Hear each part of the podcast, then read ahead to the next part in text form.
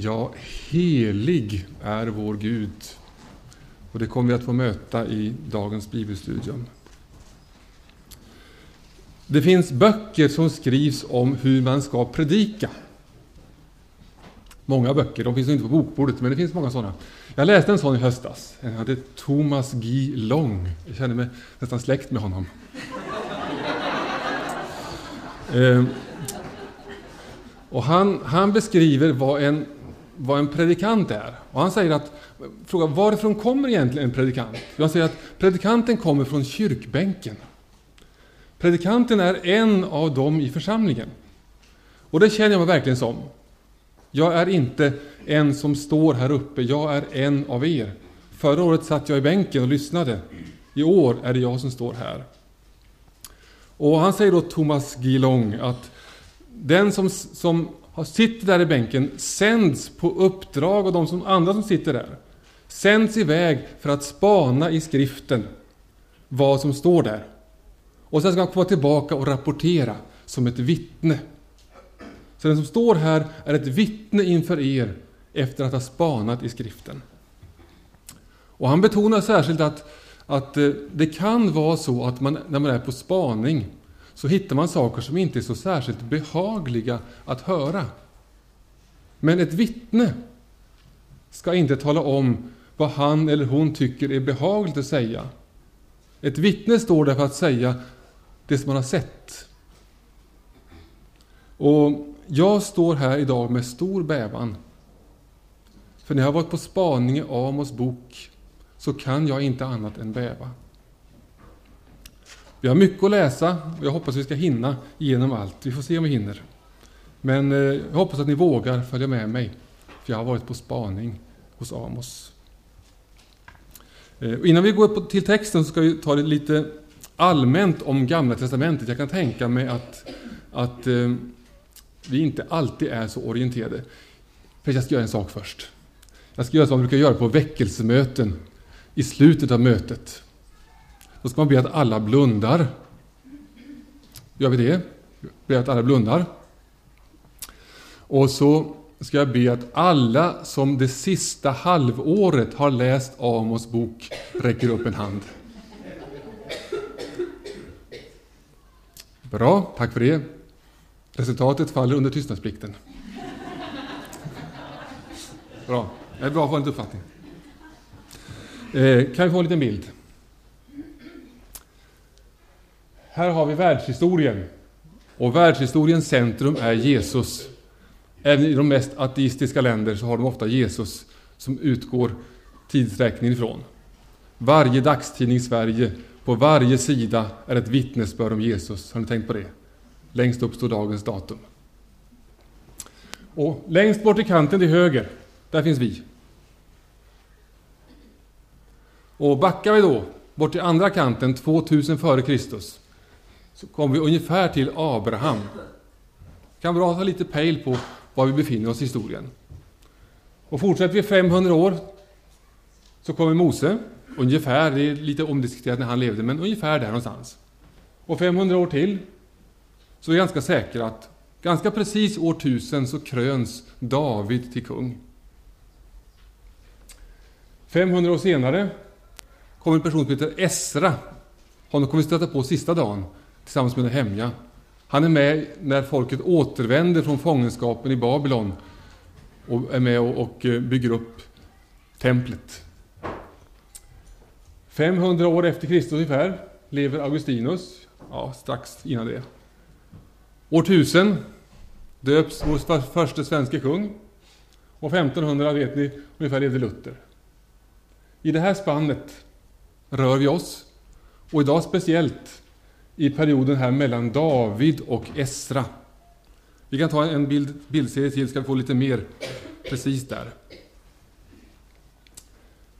Eh, David alltså, ungefär år 1000. Efter David kom Salomo. Och under Davids och Salomos tid så var det bra i landet. Det var liksom glanstiden. Sen gick det inte så bra. Efter Salomo var det strider om vem som skulle bestämma. Och då gick det som det brukar gå i kyrkan. Det blev en delning. 922 delas så finns det ett Nordrike som ofta kallas för Israel och ett Sydrike som kallas för Juda. Det här kanske ni kan, men för säkerhets skull om någon har glömt bort det så tar jag det. Nordriket faller år 722. Assyrien kommer och tar hand om Fortsättningen följer. Sydriket faller 587. Jerusalem jämnades med marken. 70 år senare, ja knappt 70 år förresten, eh, 40 år senare, så får den första gruppen av judar återvända till landet. Det som är 70 år är att efter 70 år har templet åter, återuppbyggts hjälpligt. Sen återvänder Esra år 5, 458. Det går ju baklänges, det är så krångligt med tiden innan Jesus. Allt blev bättre när Jesus kom. Och efter Estra, ganska snart, kommer också Nehemja. Idag ska vi befinna oss i Nordriket på 700-talet. Det är där som Amos lever. Och eh, som vi kommer att märka så är det här ett land som är i kris på alla möjliga sätt. Och därför så är rubriken för den här samlingen Ett land i förfall. Och det beskriver alltså på många sätt den tiden och det kan vara en beskrivning av den tid som vi lever i. Jag tror att ni kan hålla med mig om att Sverige idag på många sätt är ett land i förfall. Ehm, imorgon ska vi fortsätta till Daniel. Han lever under tiden när folket är i fångenskap i Babylon. I en helt främmande kultur fortsätter han att praktisera sin gudstro. Och då ska vi tala om att leva i främmande land. Att leva med vår kristna tro i ett samhälle som pekar åt helt annat håll. Det som Stefan talade om igår. Och sista dagen ska vi tala om vad vi gör för att bygga någonting annat. Nehemja kom tillbaka för att bygga upp templet igen i ett land som var raserat. Vår kallelse är inte bara att titta på. Vår kallelse är att vara med och bygga upp det som Gud vill ha i vårt land. Och då tänkte han både på kyrkan, men också på landet som helhet. Ett land under återuppbyggnad. Då kan vi stänga av. Nej, det kommer, kommer en till strax, men vi, vi, kan vänta lite grann med den. Eh, och som jag sa så, den tid som vi kommer att landa i nu i Israel var på många sätt en bedrövlig tid. Och i vårt land är det inte heller så vidare. Nu ska vi inte bli olyckskorpar, vi ska inte eh, hamna i gnälldiket. Men samtidigt måste vi med öppna ögon se vad som sker. Det är mycket lättare att blunda och låtsas som att det ska nog ordna sig. Men om man inte betalar sina räkningar, då kommer Kronofogden. Även om man försöker låtsas som att han inte gör det. Det kommer alltid konsekvenser. Det är bättre att se sanningen i vitögat i tid. Och min bön är att Guds ord idag ska hjälpa oss att se och förstå vad som händer i vår tid och hjälpa oss att möta det. Nu ska vi be tillsammans.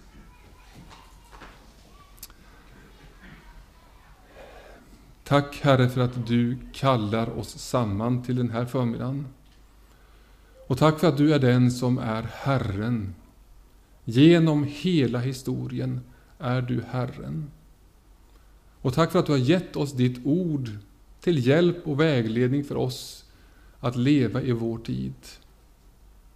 Då ber jag att du sänder din Ande så att orden från Amos får bli ord till oss som får liv. Öppna våra ögon, öppna våra hjärtan till att ta emot ifrån dig. Amen.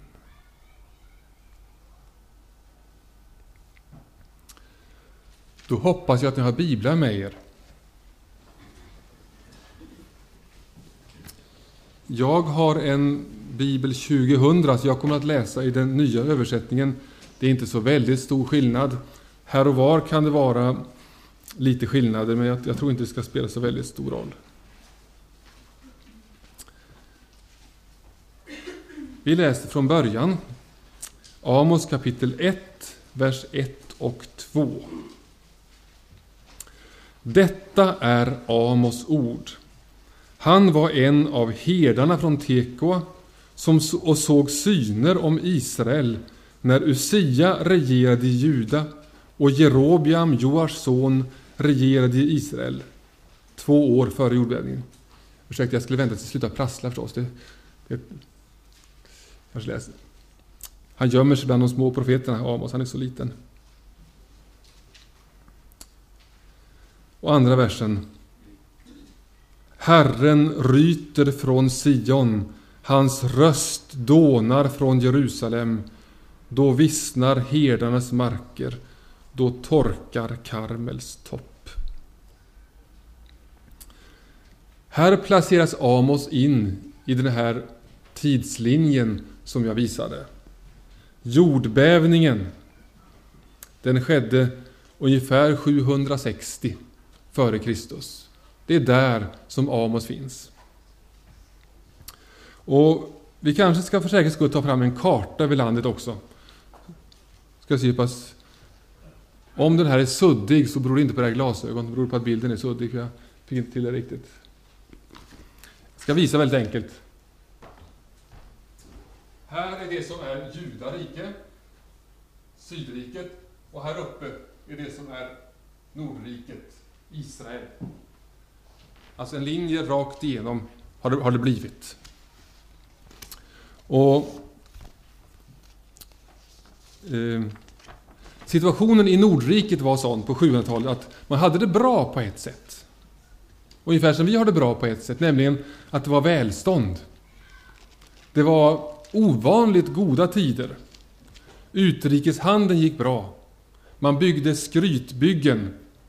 Det står längre fram om att de bygger borgar och sommarhus. Och det är bekräftat av utgrävningar. Flotta byggen under den här tiden. Ekonomin växte.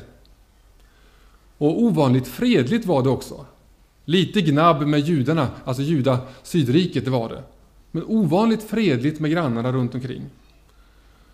Eh, men sen var det en del på religionens område. Det här var ju Israels folk.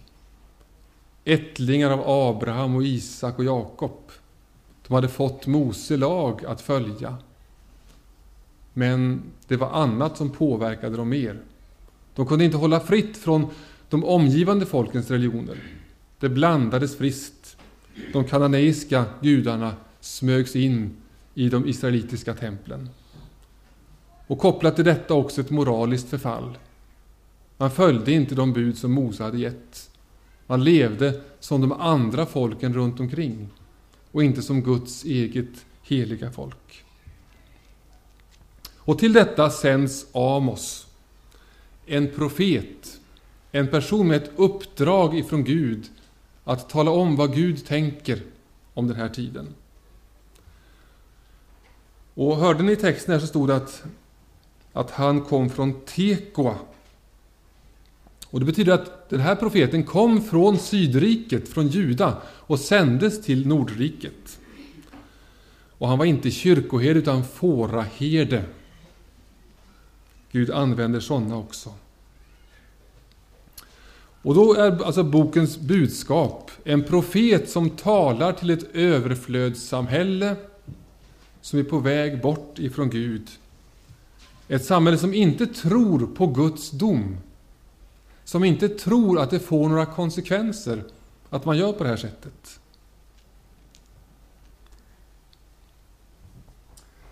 Eh, vi fick igår se en bok som handlade om Amos som finns på bokbordet. Jag ska läsa den när jag kommer hem och se ifall jag hade rätt. Eh, en bok som jag har haft mycket hjälp av det är en bok som jag läste för några år sedan som heter När Guds tålamod tar slut. Som är en utläggning av Amos bok. Jag köpte den en gång i tiden på rea, 69 kronor. Och jag kan tänka mig att sådana här böcker blir inte särskilt populära. När jag hade läst den första gången så, så var jag skakad. Jag, jag la den bara ifrån mig. Jag vågade inte riktigt ta den till mig. Jag har tagit fram den igen och läst vad som står. När Guds tålamod tar slut. Ehm, och vi kan ju fundera igen på situationen som Stefan beskrev igår av vårt land och vår kyrka. Eh, I kyrkan så pekar statistiken neråt på de flesta ställen. Eh, Bibeln ifrågasätts. Ledarskapet kan man ha en hel del funderingar över. Och vårt land med överflöd på pengar, men också överflöd på våld, hjärtlöshet och andra gudar. Hur länge räcker Guds tålamod med oss?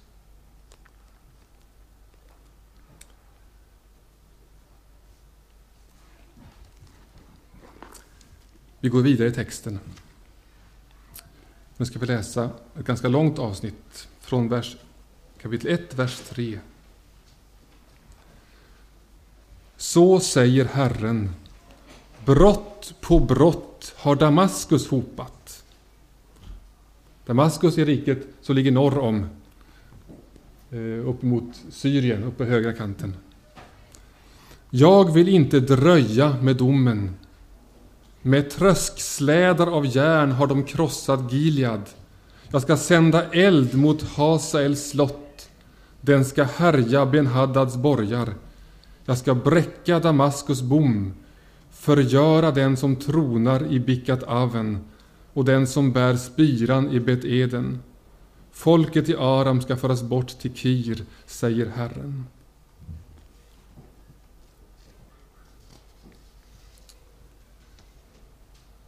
Så säger Herren, brott på brott har Gaza hopat. Jag vill inte dröja med domen. De har fört bort hela byar för att utlämna dem åt Edom. Jag ska sända eld mot Gazas mur. Den ska härja dess borgar. Jag ska förgöra den som tronar i Ashdod och den som bär spiran i Askelon. Jag ska rikta ett dråpslag mot Ekron och de sista filisterna ska gå under, säger Herren Gud. Så säger Herren, brott på brott har Tyrus hopat. Jag vill inte dröja med domen. De har utlämnat hela byar åt Edom och glömt sitt avtal om vänskap. Jag ska sända eld mot Tyrus mur, den ska härja dess borgar. Så säger Herren, brott på brott har Edom hopat. Jag vill inte dröja med domen, de har förföljt sina bröder med svärd och vägrat om barmhärtighet. Deras vrede rasar oavbrutet, deras ursinne brann utan slut. Jag skall sända eld mot Teman och den ska härja Bosras borgar. Så säger Herren, brott på brott har ammoniterna hopat. Jag vill inte dröja med domen. De skar upp havande kvinnor i Gilead när de ville vidga sitt välde. Jag ska sätta eld på Rabbas mur. Branden ska härja deras borgar vid stridsrop på kampens dag, i storm på ovädrets dag. Deras kung ska föras bort i fångenskap, han och hans stormän med honom, säger Herren. Så säger Herren, brott på brott har Moab hopat. Jag vill inte dröja med domen. Benen av Edoms kung har de bränt till kalk. Jag ska sända eld mot Moab. Den ska härja Keriots borgar och Moab ska dö vid vapendån, vid stridsrop och lurars larm. Jag skall förgöra dess härskare, alla dess stormän ska jag dräpa med honom, säger Herren.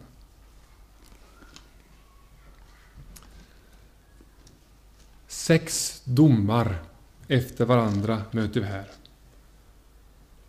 Den första var mot Syrien. Vi kan pricka in här nu. Vi kan pricka in de här domarna. Guds dom mot Syrien. Varför då? Jo, de har visat grymhet mot folk de har besegrat. Och Gud har sett. Och Gud säger, det är över gränsen. Därför kommer min dom. Gud dömer hedna folken. De borde vetat bättre. Och vad är reaktionen, tror ni, bland folket i Israel? Ja! Gud dömer våra fiender. Det är klart, de sopprötterna. Äntligen så faller Guds dom över dem. Nästa dom är över filisterna. De har idkat slavhandel. De har förringat människovärdet. De borde veta bättre. Därför faller Guds dom. Ja! säger israeliterna. De här lömska filisterna som gång på gång har varit efter oss. Nästa till rakning, Tyrus. De har också idkat slavhandel. Och en sak till. De har brutit ett avtal. De hade ingått ett avtal men visat trolöshet. Och trolöshet skär i Guds ögon. De borde ha vetat bättre. Guds dom träffar Tyrus. Edom.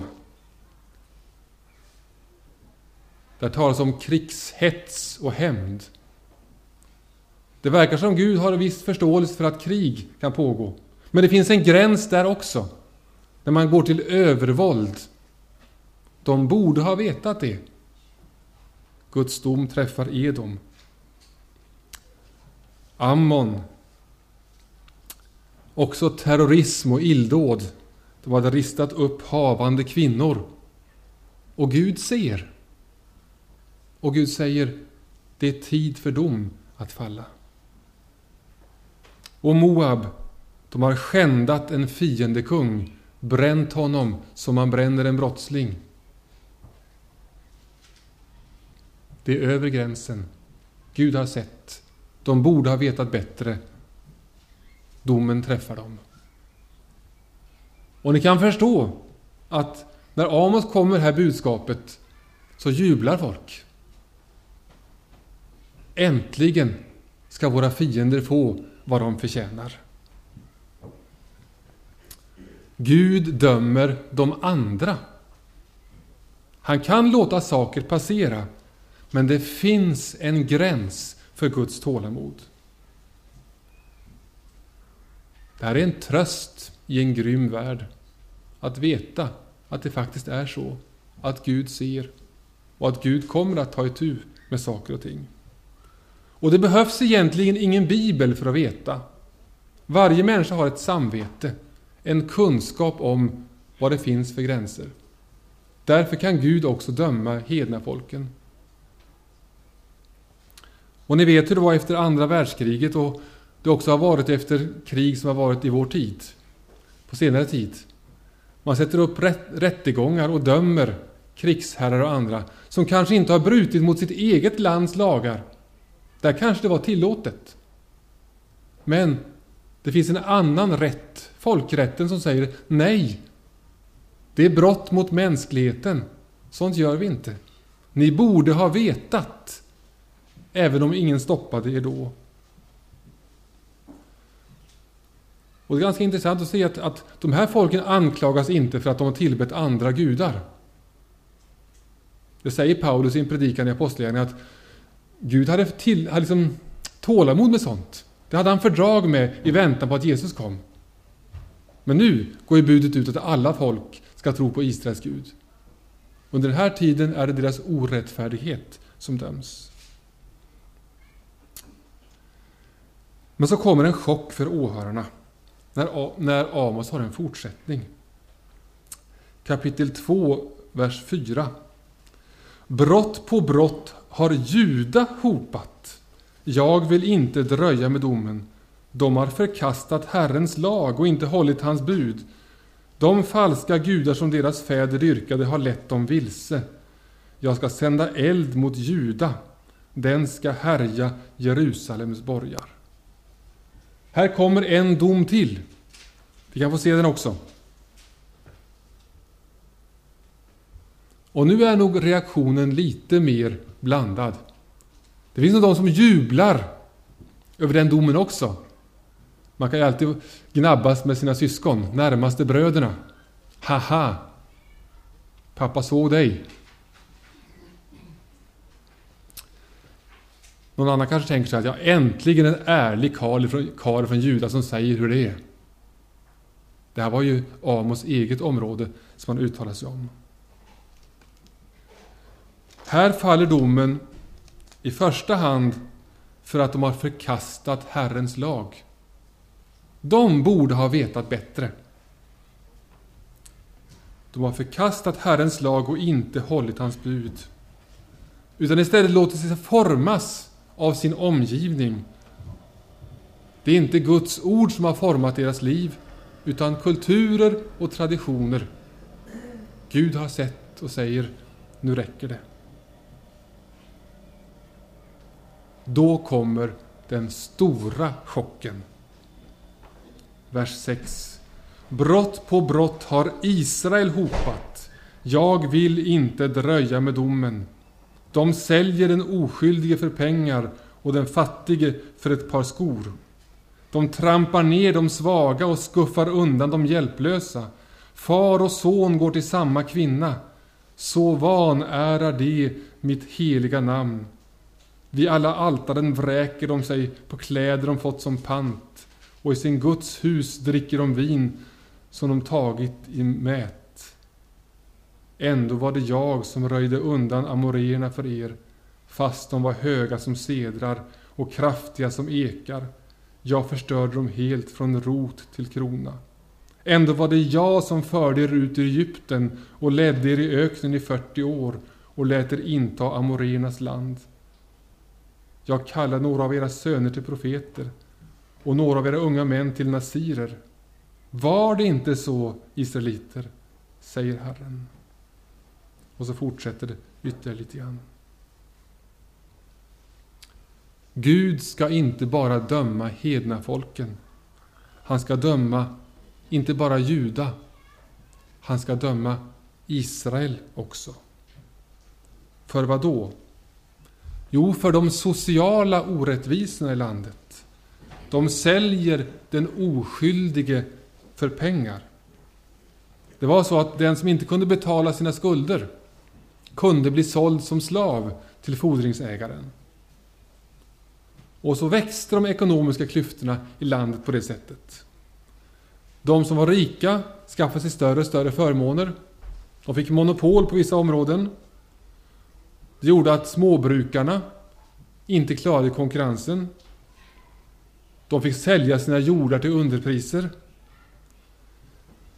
De eh, anställs hos de rika, får dålig lön, får själva betala ett orimligt pris för den mat som de själva har producerat. Utarmas mer och mer, medan de rika blir rikare och rikare och lever sitt lyxliv. Här fanns också korruption och rättsröta. Det är så att de trampar ner de svaga och skuffar undan de hjälplösa. De försökte hävda sin rätt, gå till domstol. Men vem lyssnade på den lille mannen när de stora satt där bredvid och ta, sa hur det skulle vara? Då var det ingen chans att försvara sina rättigheter.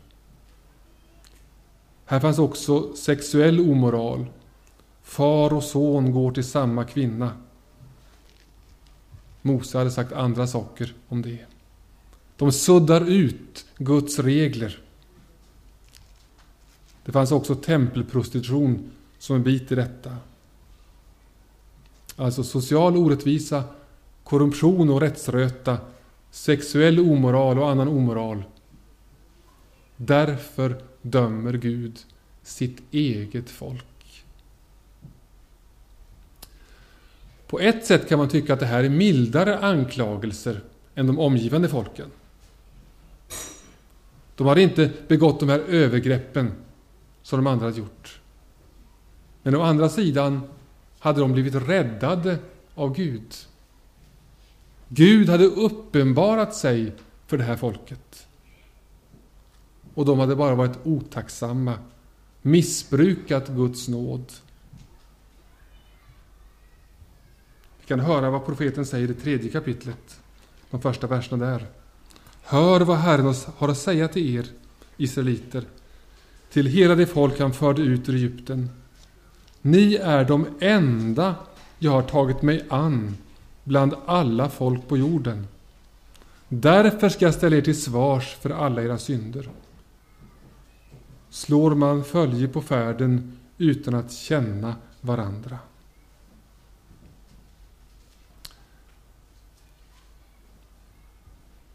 Där i andra, kapit- andra versen står Ni är det enda jag har tagit mig an. Så används det egentligen ordet känt. Det enda, ord, enda folk jag har känt. Och det är samma uttryck som finns i skapelseberättelsen när det står att, att Adam kände sin hustru. Alltså den mest intima samvaro. Ni är det enda folk som Herren har kommit så nära. Och ändå har ni vänt mig ryggen.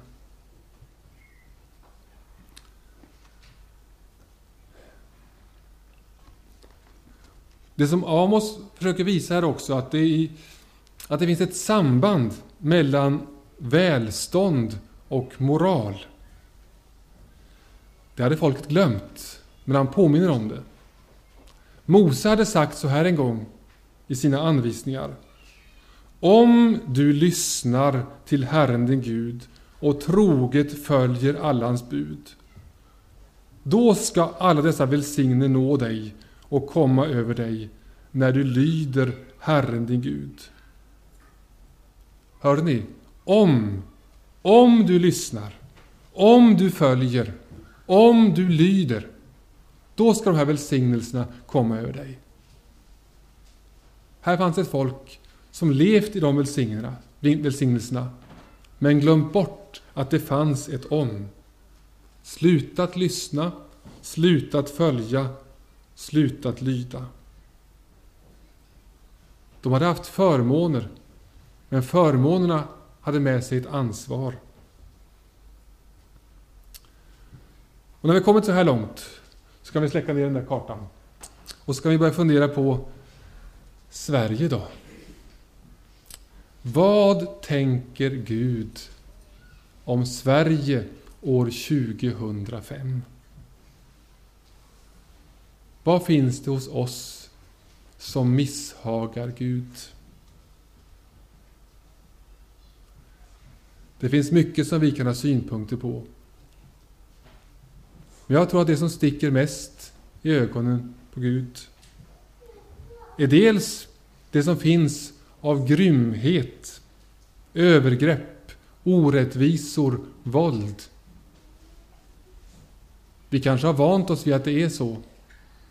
Men det finns mycket, mycket som varje sunt tänkande människa skulle kunna veta att på det sättet beter man sig inte. Men så är vi också ett land som under århundraden har välsignats av Gud. Därför att hans namn har varit ärat och upphöjt ibland oss.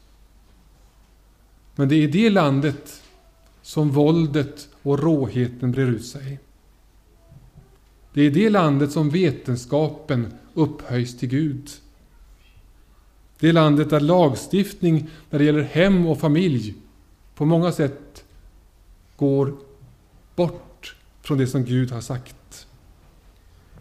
Ett land där de flesta normer är förhandlingsbara. Där rättssäkerhet inte längre är en självklarhet. Där det ofödda barnet har svagare skydd än en lövgroda. Där det spelas för miljarder och åter miljarder i hopp om att vinna den stora lyckan. Där kvinnor och barn misshandlas. Där vi lever i överflöd på de fattiga ländernas bekostnad. Ett land där alkoholpolitiken anpassas till de starka, inte till de svaga. Ett land där artister och sportstjärnor avgudas. Ett land som dränks i ett TV-utbud av fåniga frågesporter, dokusåpor, pilsnerfilmer, sport, sport, sport, nyheter, ekonomiska analyser, våld och sex. Ett land där kyrkan ägnar sig mest åt interna bråk eller att anpassa sig för att legitimera vad som sägs från annat håll.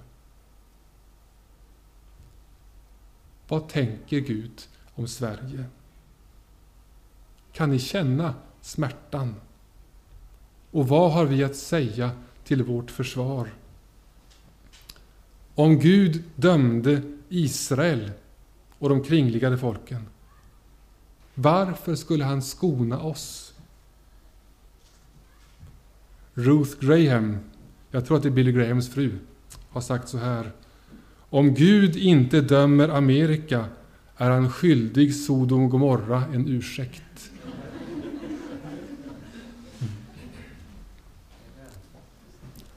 Här kallar Gud på oss idag. Hotet mot Sverige är inte krig, inte EU, inte den internationella ekonomin, inte arbetslösheten, inte konjunkturerna, inte sjukfrånvaron. Hotet mot Sverige är en moralisk och andlig kollaps. Vårt folk håller på att gå under av förruttnelse inifrån. Vi har vänt Gud ryggen och har fått börja smaka frukterna av det.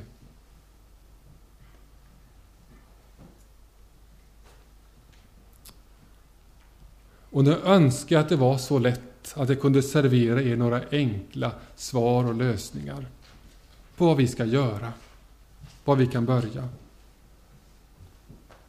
Vi har en lång väg att gå tillsammans. Vi får samtala, vi får be, vi får pröva, vi får kämpa, vi får våga. Bara vi inte stänger av och säger att det ska nog ordna sig. Det försökte Israel och det ordnade sig inte.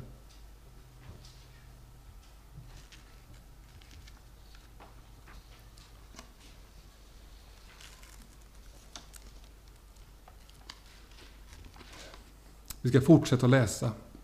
För att eh, Amos har lite mer precisa saker att säga om vad som borde rättas till. Och jag tror att det kan bli till hjälp för oss när vi också ska gå vidare. Jag hoppar över resten av det tredje kapitlet. Går till fjärde kapitlets fjärde vers.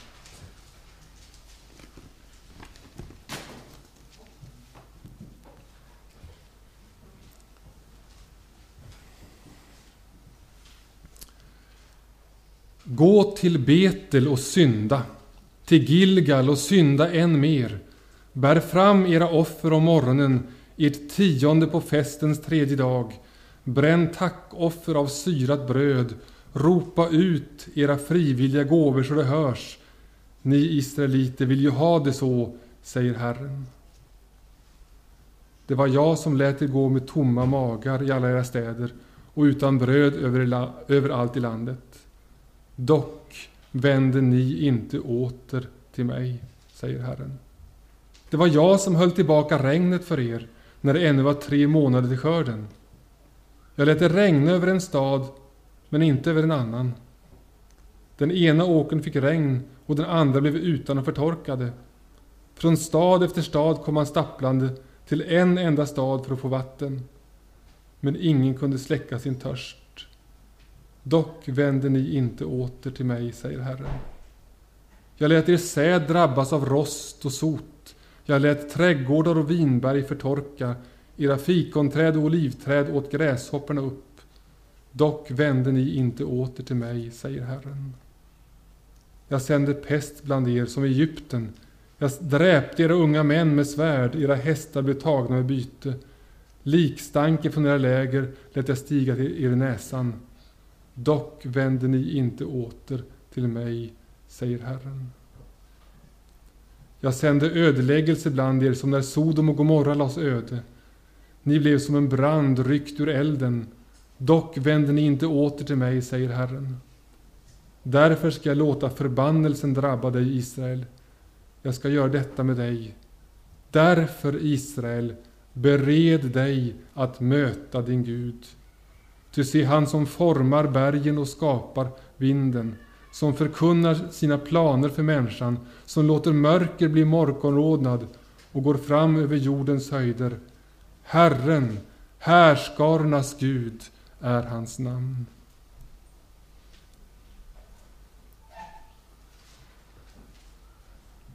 Här får vi lite antydningar om vad det är som är fel.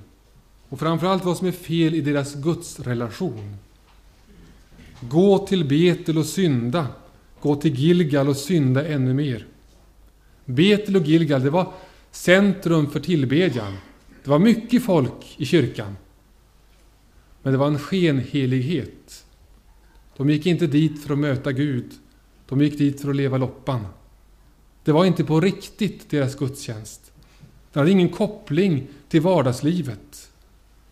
Deras gudstjänst påverkade inte deras livsstil. Sen stod det också Bränn tackoffer av syrat bröd. Men Mose hade sagt att det ska ni inte göra. Det här var ett eget påfund. Tvärs emot alla Guds föreskrifter. Alltså de fjärmar sig från bibelordet. Och så står det gång på gång Dock vänder ni inte åter till mig. Gud hade tillåtit svårigheter, torka, pest, svält. Men ni vände ändå inte åter. Vad säger det om deras gudstjänster? Jo, de var inte riktigt där. Deras hjärtan fanns inte med i gudstjänsten. Det var ingen gudskontakt. Det var bara en ritual som de utfärdade, utförde. Det här kan vara värt att fundera över när det gäller gudstjänstfirande. Gudstjänster som inte är gudstjänster utan bara en sorts teater, ett spel. Utan koppling till vardagslivet. Utan koppling till bibelordet. Utan koppling till hjärtat. Och ytterst utan koppling till Gud själv. Kan det möjligen gälla i vår tid också? Så tragiskt, så katastrofalt. Gud hade försökt kalla på dem genom att sända svårigheter. Men de har inte lyssnat, bara fortsatt med skenheliga, obibliska ritualer. För oss tror jag inte att det handlar om att det är en viss gudstjänstordning vi borde ha. Det var bättre på 42ans tid, har ni hört den? Jag tror att en riktigt häftig lovsångsgudstjänst kan vara lika tom om inte hjärtat är med. Om det inte kommer att påverka vårt vardagsliv när vi går därifrån. Om det inte är bibelordet som ytterst formar. Det måste vara på riktigt. Varje gudstjänst ett gudsmöte.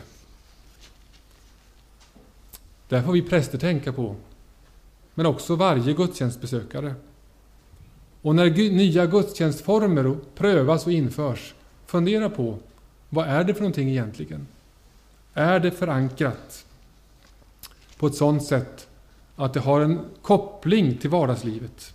Är det verkligen någonting som utgår från det som Guds ord säger? Eller är det en mänsklig innovation? Är det en gudstjänst som uppmuntrar oss att komma med med hjärtat? Är det en gudstjänst som är ett gudsmöte? Och Amos har mer att säga om gudstjänsten. Det här räcker inte. Kapitel 5. Först vers 4. Amos 5, vers 4. Så säger Herren till Israels folk. Kom till mig så får ni leva. Gå inte till Betel, sök er inte till Gilgal, dra inte bort till Bersheva. Ty Gilgal ska föras bort i fångenskap och Betel blir till intet. Kom till Herren så får ni leva. Annars ska han härja Josefs land som en eld. Den ska förtära Betel och ingen ska släcka den. Han säger egentligen så här, strunta i era gudstjänster. Sök Gud istället, var och en.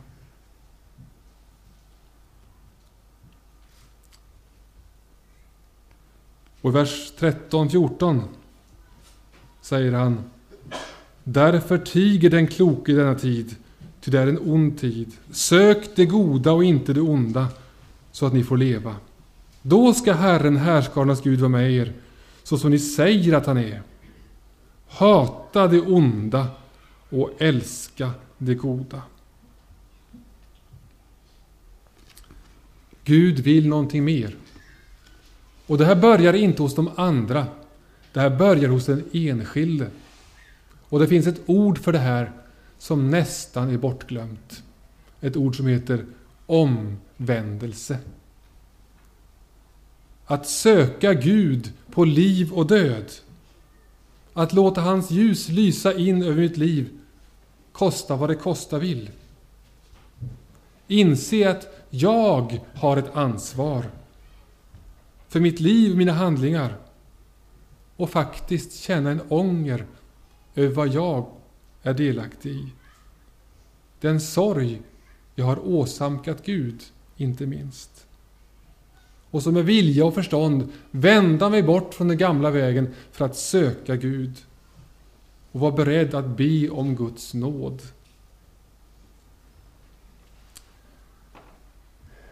I vers 15 läste jag bara början, jag ska läsa resten av den versen. Det står så här. Hata det onda och älska det goda. Det är ett hjärta som har vänt om. Låt rätten råda då ni dömer. Kanske ska då Herren, härskarnas Gud, förbarma sig över spillran av Josefs ett. Varför står det kanske? Jo, därför att nåd är ingen rättighet, utan ett rop på hjälp. Det finns en berättelse om en mamma som kom till Napoleon och vädjade om nåd för sin son som var dömd till döden. Och Napoleon svarar Varför skulle jag ge honom nåd? Det har han inte förtjänat. Och mamman svarar Om han hade förtjänat det, då vore det inte Guds nåd för oss. Den nåd som vi ber om, den har ingenting med oss att göra. Den är helt beroende av att Gud från sin sida väljer benåda än oförtjänt.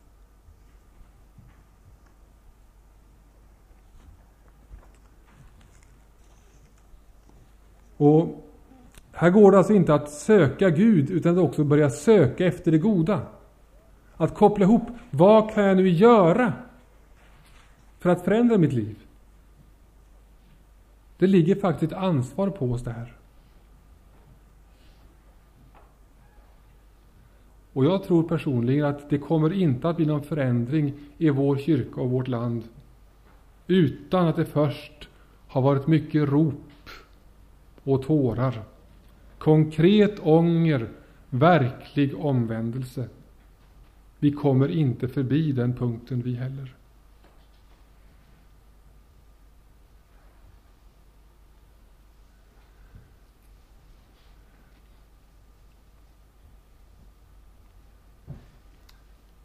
Ett sista bibelord om gudstjänsterna. Det starkaste av dem alla. Vi läser från vers 21. Femte kapitlet. Gud säger Jag avskyr era fester, jag hatar dem. Jag står inte ut med era högtider.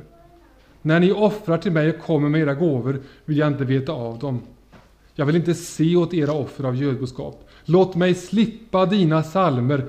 Jag vill inte höra på ditt stränga spel. Men låt rätten välla fram som vatten och rättfärdigheten som en outsynlig ström.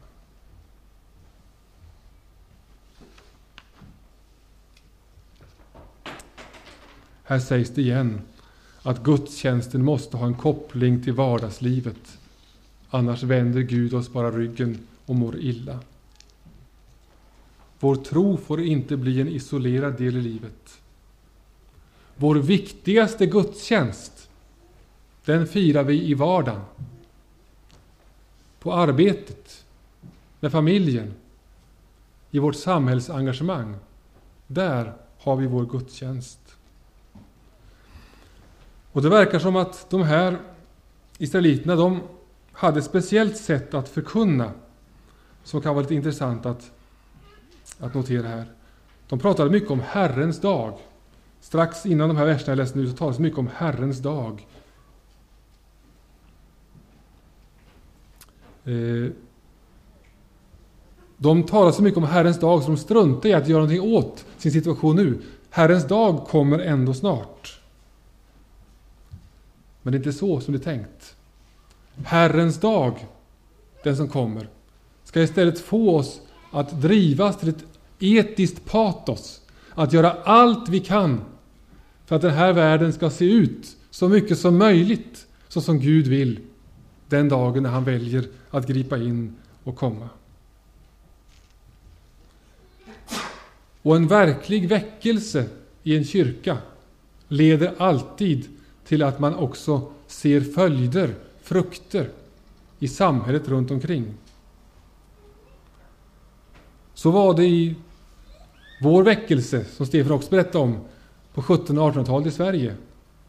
Den väckelsen reste upp människor ur förnedring, ur missbruk, ur fattigdom, ur okunskap.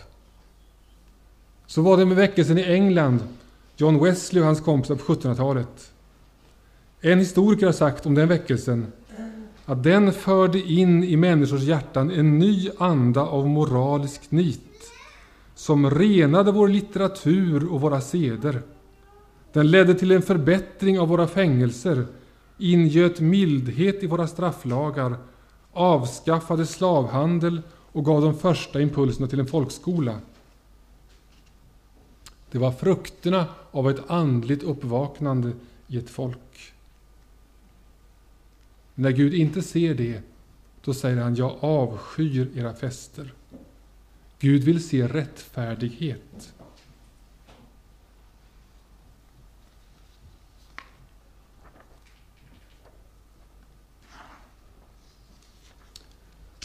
Vi får fundera på, är det så att våra gudstjänster behagar Gud? Eller är det era gudstjänster, som det lite spydigt står här? Det var inte Guds gudstjänster, det var era. Jag tänker ibland, vad tycker Gud egentligen om julottan?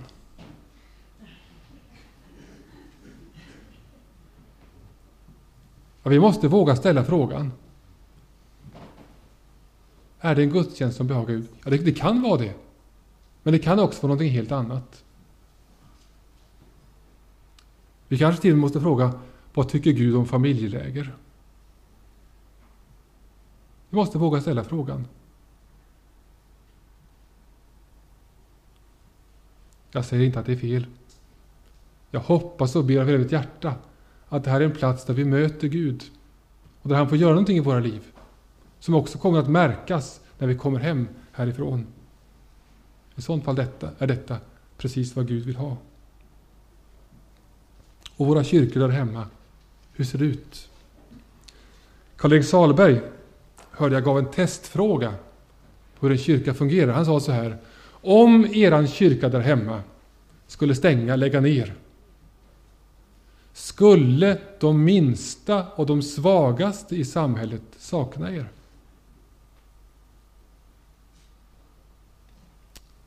Om inte, så är ni på fel spår.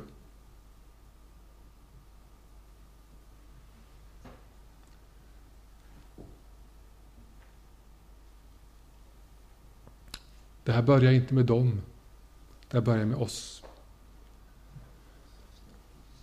Nu ska vi ta en kort paus. Och sen ska jag försöka göra färdigt i Amos. Jag vet inte om jag klarar det, men jag ska försöka. vi sträcker på benen i tre och en halv minut. Han passar på att ta när jag inte såg så sträng ut. Jag är lite ivrig att komma igång därför att jag har jag har eh, alldeles för många papper kvar i mitt manus. Jag, jag, jag stryker faktiskt bort en del saker så att blir något, någon tankelucka någonstans så hopp, har jag hoppat över en bit. Vi får försöka.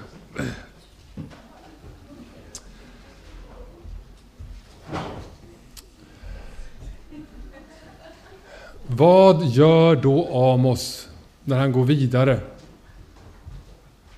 Jo, han, eh, han går till storms mot makthavarna. Ger sig på dem som faktiskt borde kunna förändra. Vi läser i kapitel 6.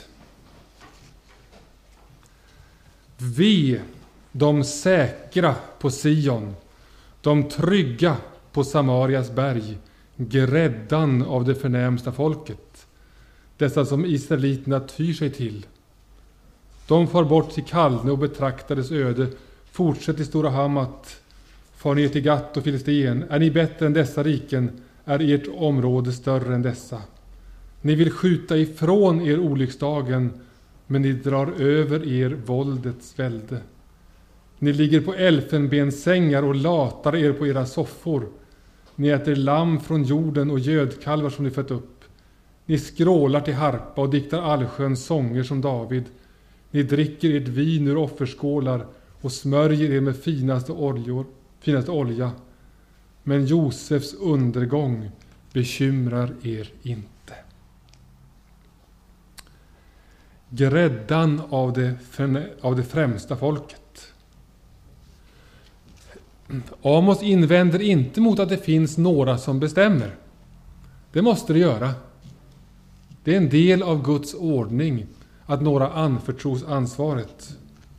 Gud bejakar att någon leder. Men den som leder står under Guds lag, kan inte stifta sina egna lagar och normer. Det finns en måttstock som heter rättfärdighet. Risken är att det istället blir självgodhet och likgiltighet inför behoven som finns. Så var det då och så kan det vara nu. Ni ligger på elfenbenssängar och latar er på era soffor. Ni äter lamm och gödkalvar, diktar sånger och smörjer med finaste olja. Så lever det liksom i en egen värld. Men Josefs undergång bekymrar inte. Josef är ett namn på landet. Mat och dryck, musik och kosmetika. Men ser inte behoven som finns. Kanske vill inte se. Och det är då som Amos måste hjälpa folk att se vad det är som sker. Och det är detta som är kyrkans uppgift idag. Som den alltid har varit. Vi har en uppgift att hålla ett vakande öga på dem som styr och faktiskt säga ifrån. Det finns en tankemodell i den lutherska teologin som kallas för tvåregementsläran. Det har inte med militärer att göra direkt. Det handlar om att det finns olika ordningar som samtidigt verkar i vårt, vår värld. Eh, man pratar om det världsliga regementet som handlar om den vanliga politiska makten och om det andliga regementet som är kyrkan. Och försöker förklara med det här sättet vad är kyrkans uppgift och vad är statens uppgift och hur samverkar de? Ibland har man sagt att det här har lett till att kyrkan liksom sköter sitt område och låter staten sköta sitt, hur man än gör det. Men det är inte tänkt så. Rätt använt så ger det här verkligen en legitimitet åt den jordiska makten och värnar kyrkans självständiga roll. Men ger samtidigt kyrkan ett uppdrag att hålla efter så inte statsmakten gör det som den inte skulle göra. Att den vägleder till rättavisa de styrande. Låt rättfärdigheten råda. Under andra världskriget så försökte man i Tyskland få kyrkan att hålla sig på sin plats och lyckades ganska bra. Genom att säga det är ert område, vi gör som vi vill. Sköt ni ert. Man försökte så i Norge också, när man hade ockuperat Norge. Men det gick inte lika bra. För där var biskoparna och prästerna väldigt medvetna och genomtänkta. Vid invasionen 9 april 1940 så kallades biskoparna samman. De gillade naturligtvis inte ockupationen. Men de granskade den fyrordning som utfärdades, som skulle gälla. Och några veckor senare så skriver de ett uttalande. De säger att det som nu den nya regimen har infört står i överensstämmelse med det som folkrätten säger. Gör ni så här så har vi ingenting att protestera. De tyckte att, att det var i och för sig okej. Okay. Inte det system de ville ha, men det var inte, det var inte direkt eh, stötande. Men ganska snart så börjar de göra andra saker, de här som bestämmer i Norge. Och då skickar biskopen ett brev till kyrkoministeriet. Och där skriver man att staten med sina organ kommer att upp, om staten med sina organ kommer att upprätthålla ordning, rätt och rättfärdighet som kyrkans bekännelse förutsätter, då är det okej. Okay. Men, men, men. Eh, om de inte gör det så är kyrkan bunden till att säga ifrån. Kyrkan måste blanda sig i politiken. Och det här ställdes på sin spets när tyskarna, eller ja, det var ju tyskarna som bestämde, men den norska marionettregeringen bestämde att alla norska ungdomar skulle gå i nazistskola. Från tio års ålder skulle de undervisas i den nazistiska läran. Nej, sa biskoparna. Detta är ett ingrepp i föräldrarätten. Vi protesterar. Och vid ett tillfälle så bytte de ut präst i en gudstjänst i Trondheim. Domprosten skulle inte få prika, utan det var en nazistvänlig präst som skulle tjänstgöra. Nej, sa biskoparna. Ni träder över er gräns. Ett ingrepp i kyrkans egna angelägenheter, det gör ni inte. Och det gick så långt så att biskoparna fick avsäga sig biskopsämbetet. Det vill vi, vi ställer inte upp. Vi ska tjäna kyrkan naturligtvis, men vår officiella bit som vi haft tidigare i kontakten med staten, den avsäger vi oss när ni handlar på det sättet som ni gör. Vi oss om vi inte lyder Gud mer än människor, sa de. Precis som Jakob, som Petrus och Johannes. Och där kan man lära om hur vi kan agera när orätten brer ut sig. Vi har ett mandat och vi har en skyldighet som kyrka att säga ifrån. Men om kyrkans ledare går i statens ledband då? Det har varit ett problem sedan den 28 oktober år 312. Så det är ett gammalt problem. Ni som kan historia vet att då som kejsar Konstantin besegrade sin rival Maximus. Och över en natt så blev den förföljda kyrkan en del av etablissemanget. Faktiskt var det ett problem även före Konstantins tid. På Amos tid var det också så här. Betel var ett nytt religiöst centrum sedan Jerusalem hade hamnat i Sydriket. Där fanns ett prästerskap som var helt valt på politiska grunder. Om vi går till kapitel 7, vers 10, får vi veta hur de fungerade där.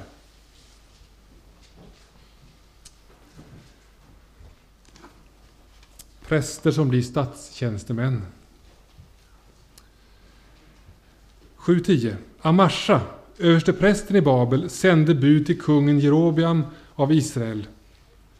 Amos uppviglar folket mot dig. Riket tål inte hans profeterande. På vems sida stod alltså översteprästen? Han säger Jerobiam ska dö för svärd och Israel ska föras bort från sitt land. Och till Amos sa Amasha, gå din väg, siare, försvinn till Juda, där kan du tjäna ditt bröd med att vara profet. Men här i Betel får du inte längre uppträda som en profet. Ty detta är konungens tempel, en rikshelgedom. Amos svarade Amasha, jag är inte profet. Jag tillhör inte det skråt. Jag håller boskap och odlar fikon. Men Herren tog mig från min jord och sa till mig, träd fram som profet inför mitt folk Israel. Så hör nu Herrens ord. Du säger alltså, profetera inte mot Israel, predika inte mot Isaks ett. Därför säger Herren, din hustru ska bli en hora i staden, dina söner och döttrar ska falla för svärd. Din mark ska mätas upp och styckas, själv ska du dö på oren mark, och Israel skall föras bort från sitt land.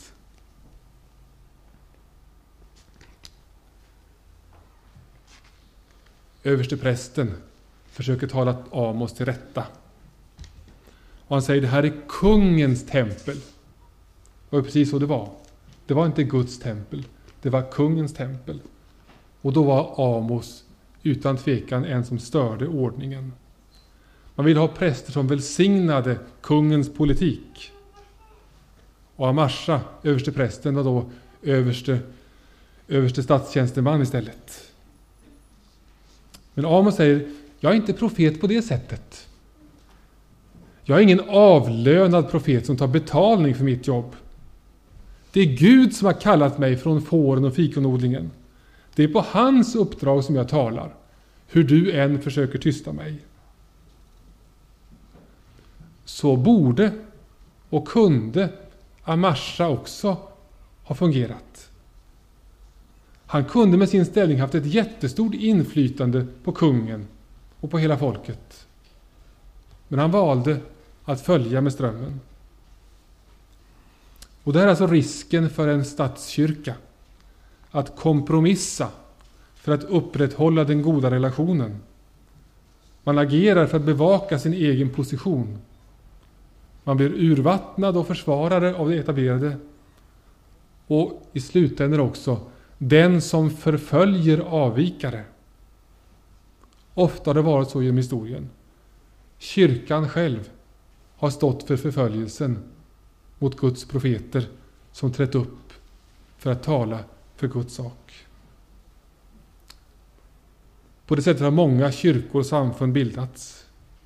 Man tappar förmågan att lyssna till profetrösten, knuffar ut folk i kylan och så får Guds verk gå vidare där.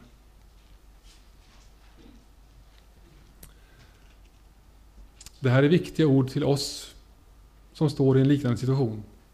En del av oss är anställda i kyrkan, andra finns med på andra sätt. Vad kan vi lära oss? Jo, vi måste ha en kallelse som är grunden för det vi gör. Vi måste vara beredda att bryta upp och vara en besvärlig profetisk röst i vår tid. Vi får aldrig bli så etablerade att vi inte kan bryta upp när Gud kallar. Vi måste bäras av en övertygelse som kan bära påfrestningar och motstånd.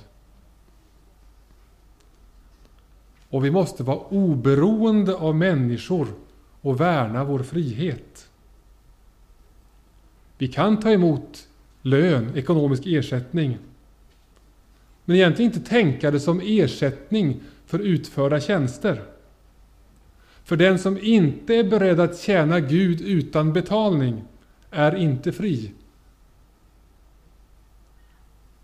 Det kanske kommer en dag när vi som är präster får vara beredda att kliva av och leva på annat än våra feta prästlöner. Det kanske kommer den dagen. Och är vi inte beredda att göra det, då är vi inte fria. Min lojalitet ska vara hos Gud, inte mot människor inte mot en organisation. Ytterst inte ens mot en kyrka, om den kyrkan inte går Guds väg.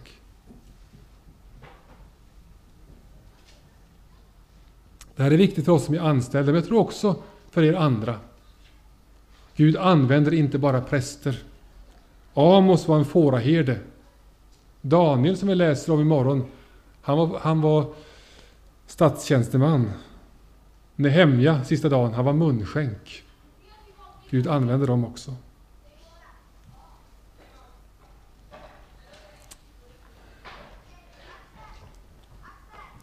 Nu har jag talat mycket om Guds vrede, Guds dom. Och vi måste på något sätt knyta ihop det här för att förstå vad är det som sker när Gud dömer. Eh,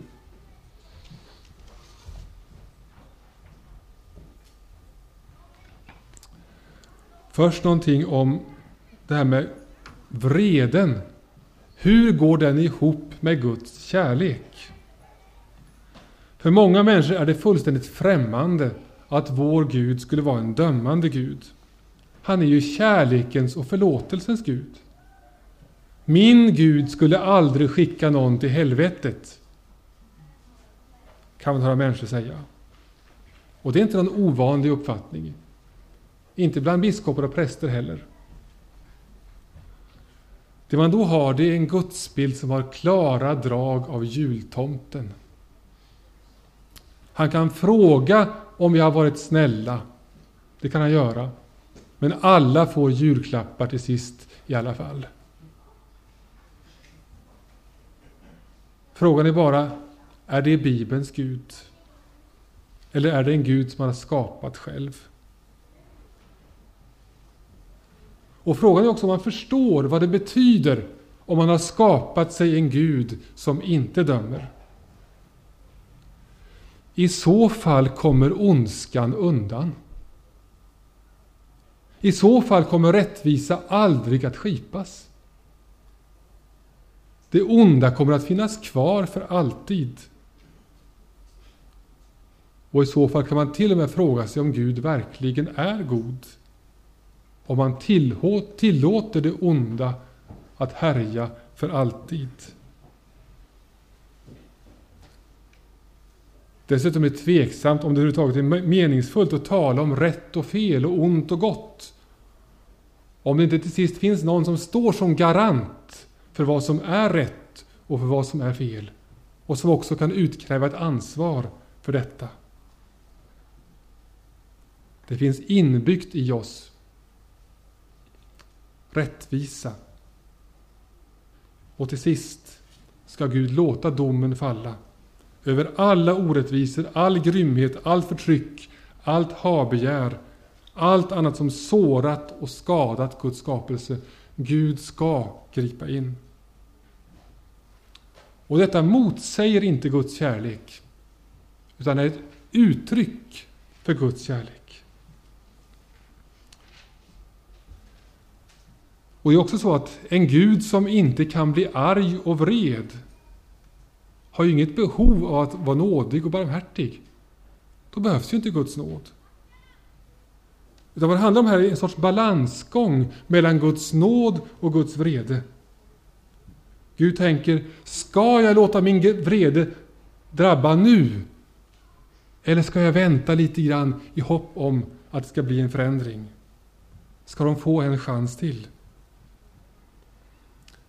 Det som vi bevittnar i Amos bok är att Guds tålamod håller på att ta slut. Han har tålamod. Ofantligt mycket större tålamod än någon av oss.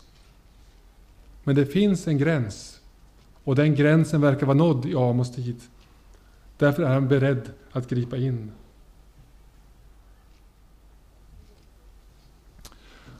Och här får vi då också en bit av svaret på en av de vanligaste frågorna en av de vanligaste invändningarna mot kristen tro. Hur kan världen se ut som den gör om det finns en kärleksfull Gud? Svaret är inte helt lätt att ta till sig.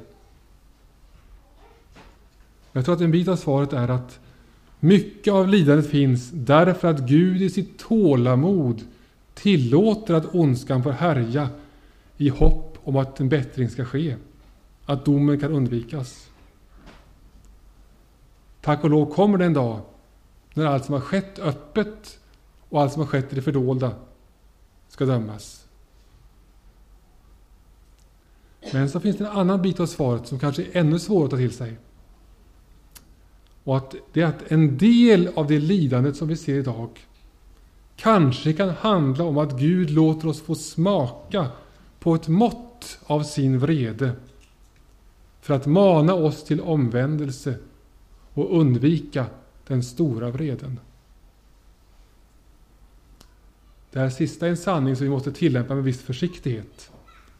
Men vi kan inte utesluta att olyckor och katastrofer som sker i vår tid är ett uttryck för Guds vrede.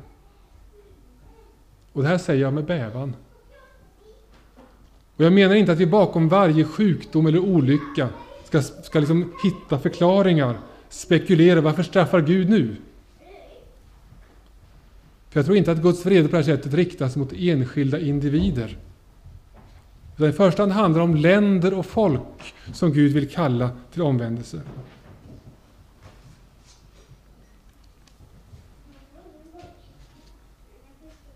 Jag vill att ni mycket noga prövar det som jag säger här nu.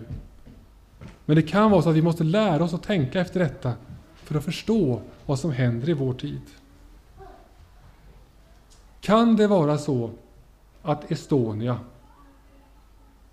kan det vara så att tsunamin är hälsningar från Gud till vårt folk? Kan det vara varningar från honom till ett folk som lever i omoral, otacksamhet, självgodhet och förakt för Gud? Kan det vara maningar till en snar omvändelse? Kan det vara så att vår kyrka har en större uppgift än att bara försöka dela smärtan och trösta människor som drabbats? Kan det vara så att vi har en uppmaning från Gud själv att mana till omvändelse på djupet? Det finns länder och kulturer före oss som har blomstrat och sen gått i graven. Och det är faktiskt så att vår historia styrs inte av en slump. Och den styrs inte heller av ekonomiska och politiska krafter bara. Det finns en moralisk dimension som går genom världshistorien. Ett land som ger plats för orättfärdighet kommer att gå under.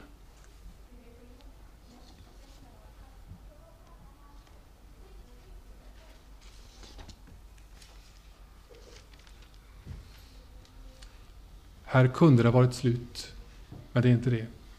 Vi ska läsa ett avsnitt till från kapitel 9. 9, vers 8 och framåt.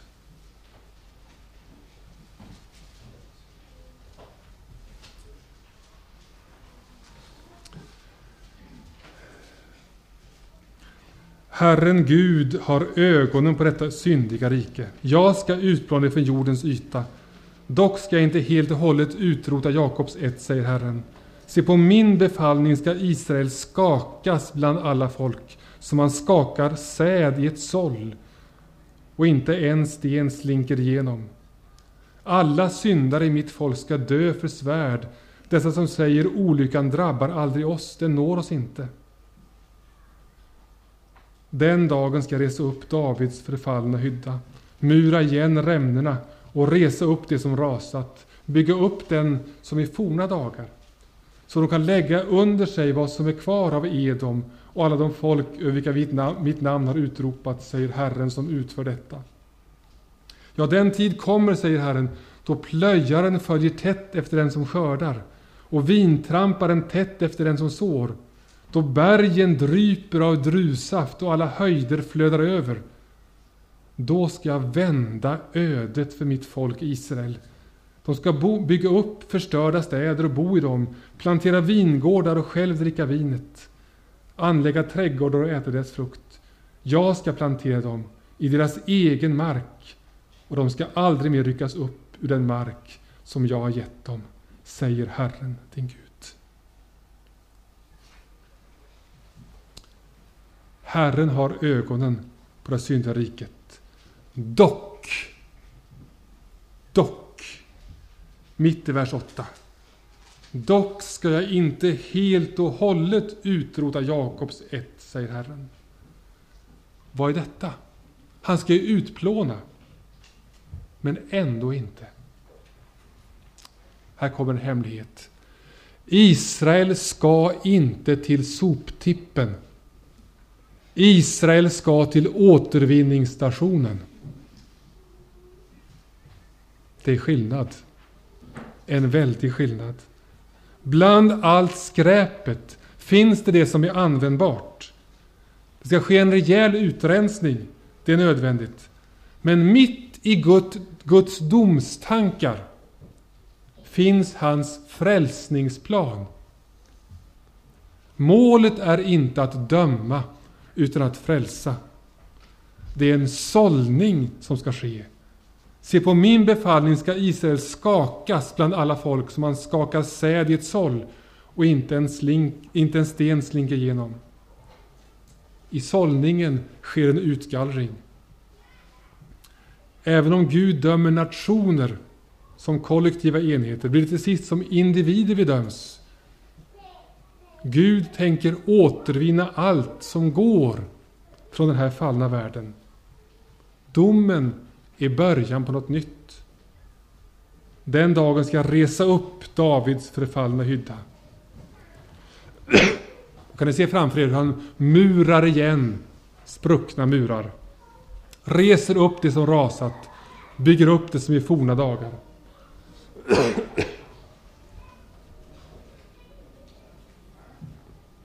Då ska jag vända ödet, plantera min ny mark. Då måste vi fundera på, när sker det? När uppfylls den profetian?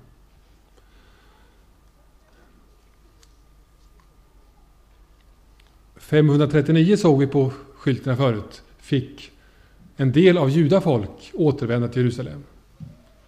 Men det stämmer inte helt och hållet med profetian. Det måste vara något mer. 1948, i vår tid, har landet Israel bildats. Kan det vara uppfyllelsen? Ja, det är nog någonting mer. Svaret finns faktiskt i Nya Testamentet, i Apostlagärningarna.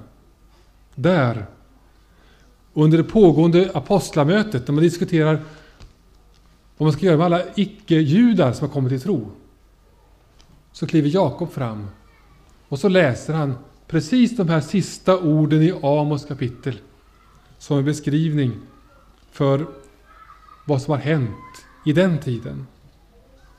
För Jakob är det solklart vad den här profetian syftar på.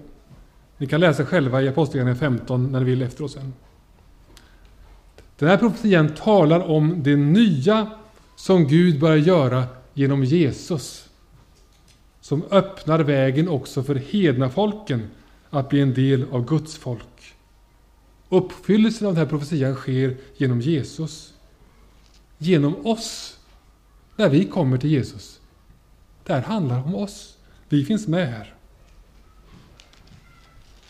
Vi är alltså inte åskådare här. Vi är deltagare. Och Gud säger gång på gång, jag skall, jag skall, jag skall genomföra min räddningsplan. Och där blir vi indragna. Och det här gäller att ha kvar det i minnet att det är Gud som har makten. Och att Gud vill inte dom, han vill räddning ytterst. Här får vi hämta tröst och kraft. Och så får vi be och kämpa för vår nation om Guds nåd och förbarmande. Men till sist ska vi inte ha vår trygghet i Svea rike, utan i Guds rike. Svea rike kommer förr eller senare att gå under. Augustinus, som själv upplevde Roms undergång, han skrev så här. Slutet kommer för varje jordisk stad. Det är bara Guds stad som består. Och Guds dom kommer vi inte undan i slutänden. Det är hans sätt att rena och rensa. Men på andra sidan om den stora domen, där väntar också den nya världen. De som går under i domen är de som säger att det kommer aldrig att hända. Det drabbar inte mig. Att förneka domen är en falsk tröst. Gud kommer att straffa alla synder, lika visst som han straffade Israel. Och nu finns det bara två platser där Guds straff kan drabba. Den ena platsen, det är helvetet. Där människor i evighet får erfara Guds vrede över det moraliska fördärv som han levt i. Den andra platsen är Jesu kors. Där Guds son själv tar emot Guds vrede för vår skull. Vi må leva i ett land i förfall. Men de som räddas är de som förstår att det är allvar och tar sin tillflykt till korset. Vi får välja själva, kastas på soptippen eller återvinnas.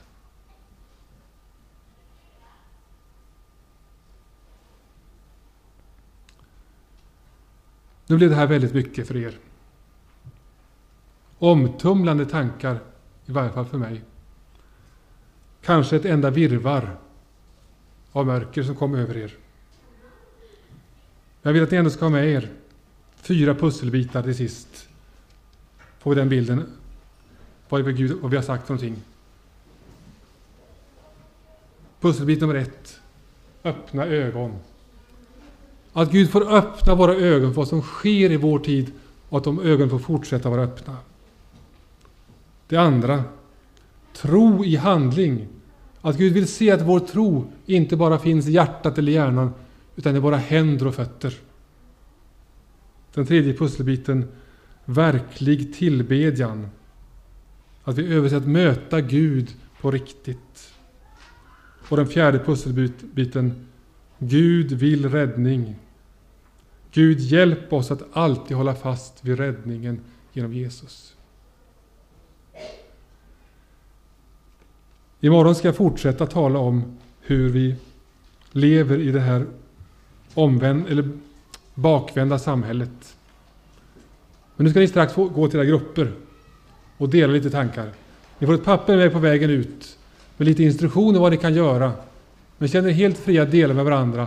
Bara ni inte hamnar i gnälldiket.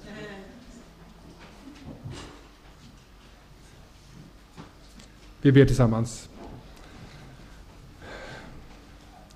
Herre, vi tar emot ditt ord till oss och ber om nåd att bevara det på ett sådant sätt att få bära frukt i våra liv. Amen.